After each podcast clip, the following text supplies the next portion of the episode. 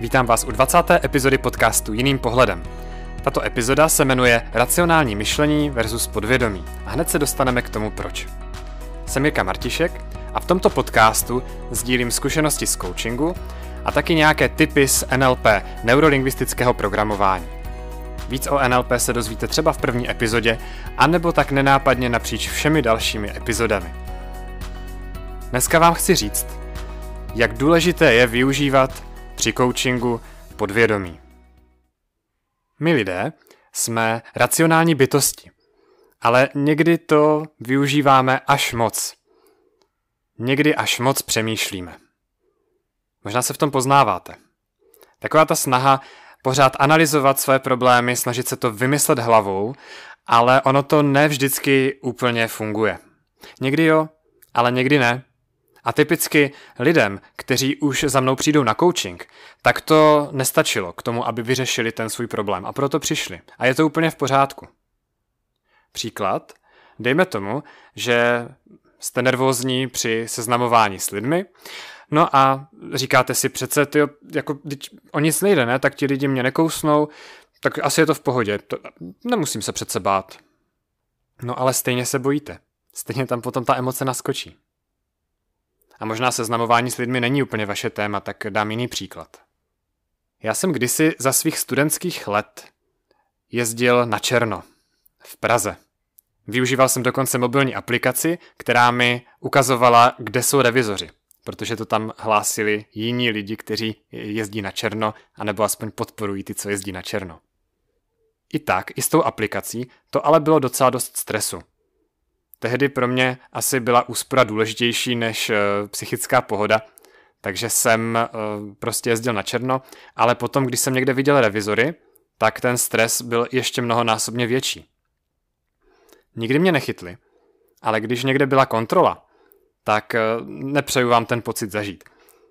A zajímavé bylo, že i poté, co jsem už si koupil lítačku, pro Brňáky šalinkartu, ale v Praze jsou jenom lítačky, tak i poté, ještě asi rok, jsem pořád, když jsem viděl revizory, měl ten pocit toho stresu. Vidím revizory, buch, cítím se hodně ve stresu, přestože jsem věděl, že mám tu lítačku. A přece racionálně nebyl vůbec žádný důvod být v tom stresu, jenomže to byla naučená reakce mého podvědomí. A to prostě racionálně, hlavou tomu podvědomí nevysvětlíte. Z toho už asi tušíte, že když eh, za mnou někdo přijde s tím, že má třeba úzkosti nebo nízké sebevědomí, tak nestačí si o tom jenom povídat hlavou. To je prostě málo. Takže ze začátku ano, povídáme si o tom, ale ne za účelem, abychom to vyřešili, ale abychom rozkryli, kde je to jádro toho problému. A potom využívám různé techniky, různé způsoby, jak toho člověka takzvaně dostat z hlavy. Dá se docela dobře poznat, kdy ten člověk je v hlavě. Hodně přemýšlí, formuluje myšlenky do slov poměrně pečlivě, zatímco když je napojený na své podvědomí, tak častěji jsou tam obrazy, mm, dá na své pocity. Těžko se mi to teď popisuje a určitě není moje ambice vás to naučit, abyste to uměli poznat. Jenom je to takový námět, můžete pozorovat, kdy vy sami jste hodně v hlavě a naopak, kdy cítíte a kdy jste napojeni na svoji intuici. A pro některé z vás to možná bude znít ufonsky, ale jde to. Já jsem sám hodně racionální. Já to mám asi po tátovi. Já ještě než jsem šel do první třídy, tak eh, jsem uměl počítat do deseti a uměl jsem napsat všechna čísla od jedné do deseti. A dokonce jsem uměl počítat i v angličtině a němčině do deseti. Tátu matematika hodně bavila a já jsem to po něm, zdá se, zdědil. Spíš naučil jsem se to od něho. Takže já jsem potom byl ve třídě vždycky jeden z nejlepších v matematice, vždycky mě to hodně bavilo. A musím přiznat, že bylo dost lidí, kteří absolutně nechápali, jak mě to může bavit. Ale já si myslím, že se to dá naučit a že mě se to povedlo právě ještě předtím, než jsem šel do první třídy. Nakonec mě to dovedlo až na Matfis, matematicko-fyzikální fakultu Univerzity Karlovy, aby, aby bylo jasno. No a právě tam jsem studoval programování. To všechno je hodně racionální, já jsem byl vždycky hodně racionální. A vždycky jsem rád přemýšlel. A málo jsem právě dával na svoje emoce a neuměl jsem pracovat se svojí intuicí. tak jsem se začal zajímat o osobní rozvoj, což sice bylo trochu lepší, ale to je pořád hodně racionální, aspoň většinou. Ať už jsou to techniky time managementu, nebo různé rady, jak něco udělat. To je pořád všechno hodně v hlavě. Postupy, ABC, to je všechno hlava. S emocemi a s podvědomím jsem se naučil pracovat až díky NLP.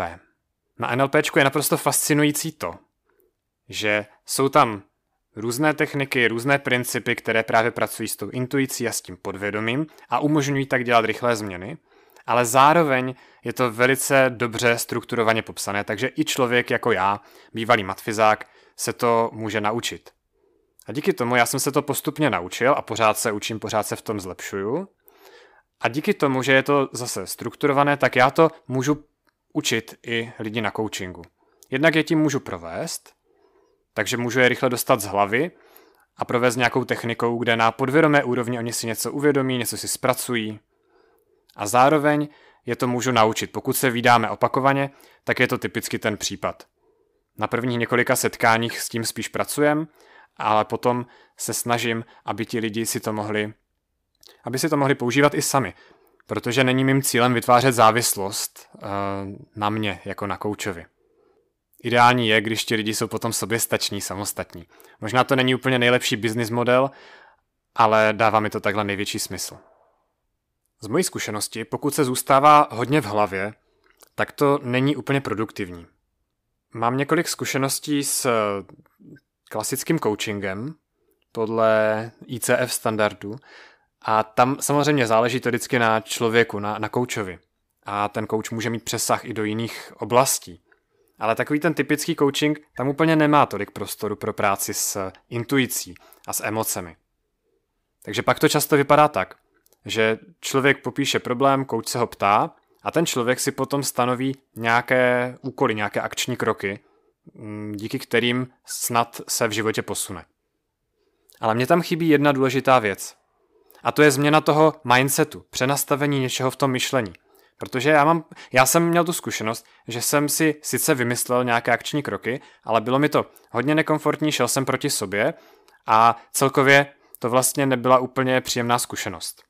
Samozřejmě každý to může mít jinak, tím nechci určitě hanit klasický coaching, jenom na tom chci říct jednu věc a to je to, že za mě dává velký smysl pracovat na coachingu i s tím podvědomím. Přenastavit tu hlavu. Protože díky tomu, že si člověk přenastaví hlavu už během toho setkání, tak potom ty úkoly, které si domluvíme, typicky si to ten člověk vymyslí sám a já mu jenom pomůžu to skonkretizovat, tak tyhle ty úkoly potom v životě e, splní mnohem s nás. A kolikrát to může být jenom úkol, pozoruj, co se ti děje, vyzkoušej si v praxi tohle a uvědom si, co se změnilo. Klidně jenom takhle jednoduše. A nebo to může být nějaký větší úkol, ale důležité je, že uděláme nějakou práci i na tom setkání.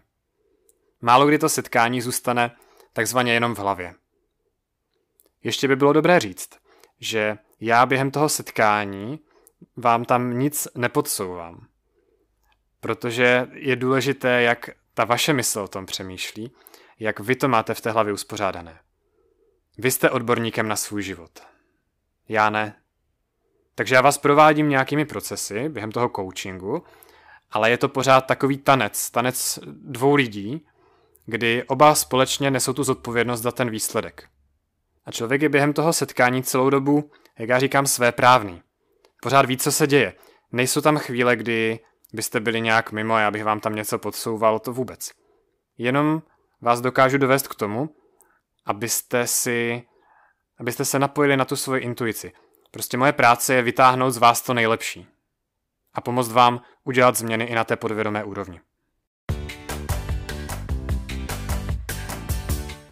Pokud by snad někdo z vás ještě pochyboval o tom, jak důležité je podvědomí, jak důležitá je jeho role v našem životě, tak si uvědomte, že vám teď buší srdce. Samo, v úvozovkách. Za to může vaše podvědomí.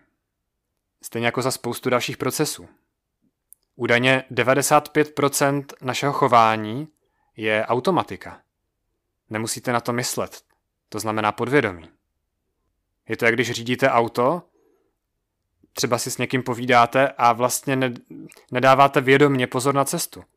Ale stejně řídíte, stejně dojedete kam tam, tam, kam potřebujete. To je ono. Takže role podvědomí je obrovská. Je to, já si to představuju jako ledovec, kde ta špička ledovce, co je vidět, to je to vědomí. A to často označujeme jako to lidské myšlení. Ale ta mnohem větší část se skrývá pod hladinou. A to je to podvědomí. A s tím je taky potřeba pracovat. Protože pokud se budete snažit něco udělat jenom s tou špičkou, pořád vám tam zbývá ta obrovská, mnohem větší část, která je pod hladinou. A to je to podvědomí. A pokud s ním nebudete pracovat, bude ta změna mnohem těžší, bude trvat mnohem delší dobu. V NLP je naštěstí celá řada technik, jak pracovat s podvědomím. A jak jsem říkal, dají se velice dobře předat. Tak co teď s tím? Určitě můžete dojmy a postřehy z této epizody jen tak nechat, vstřebat. Vaše podvědomí je nějak zpracuje. Další věc, kterou můžete udělat, je přistěhovat se v momentech, kdy jste hodně v hlavě a snažíte se věci vymyslet hlavou, i když by bylo možná lepší spíš se nacítit na to, jak to opravdu chcete a dát prostor svoji intuici. Někteří z vás tu intuici možná využíváte přirozeně, víc. Pro některé je to spíš cizí pojem. Ale to nevadí. Ať jste na té cestě kdekoliv, tak tohle to berte jenom námět víc pracovat se svojí intuicí, víc být v těle a míň být v hlavě. Hlavně když jde o důležité životní věci. A další možnost je potkat se na NLP coachingu. Mrkněte na jirkamartišek.cz lomeno coaching a pokud byste chtěli zažít, jak se pracuje na coachingu s podvědomím, tak mi prostě napište e-mail. Na závěr vám chci ještě poděkovat za to, že tento podcast posloucháte. Je to 20. epizoda a každý pozitivní ohlas mě motivuje natáčet další epizody. Pokud se vám podcast líbí, tak budu rád, když ho budete šířit, když se zmíníte ostatním o podcastu, který se jmenuje Jiným pohledem a třeba to i ty ostatní zaujme a v něčem jim to pomůže. Díky moc, mějte se krásně a ať se vám daří.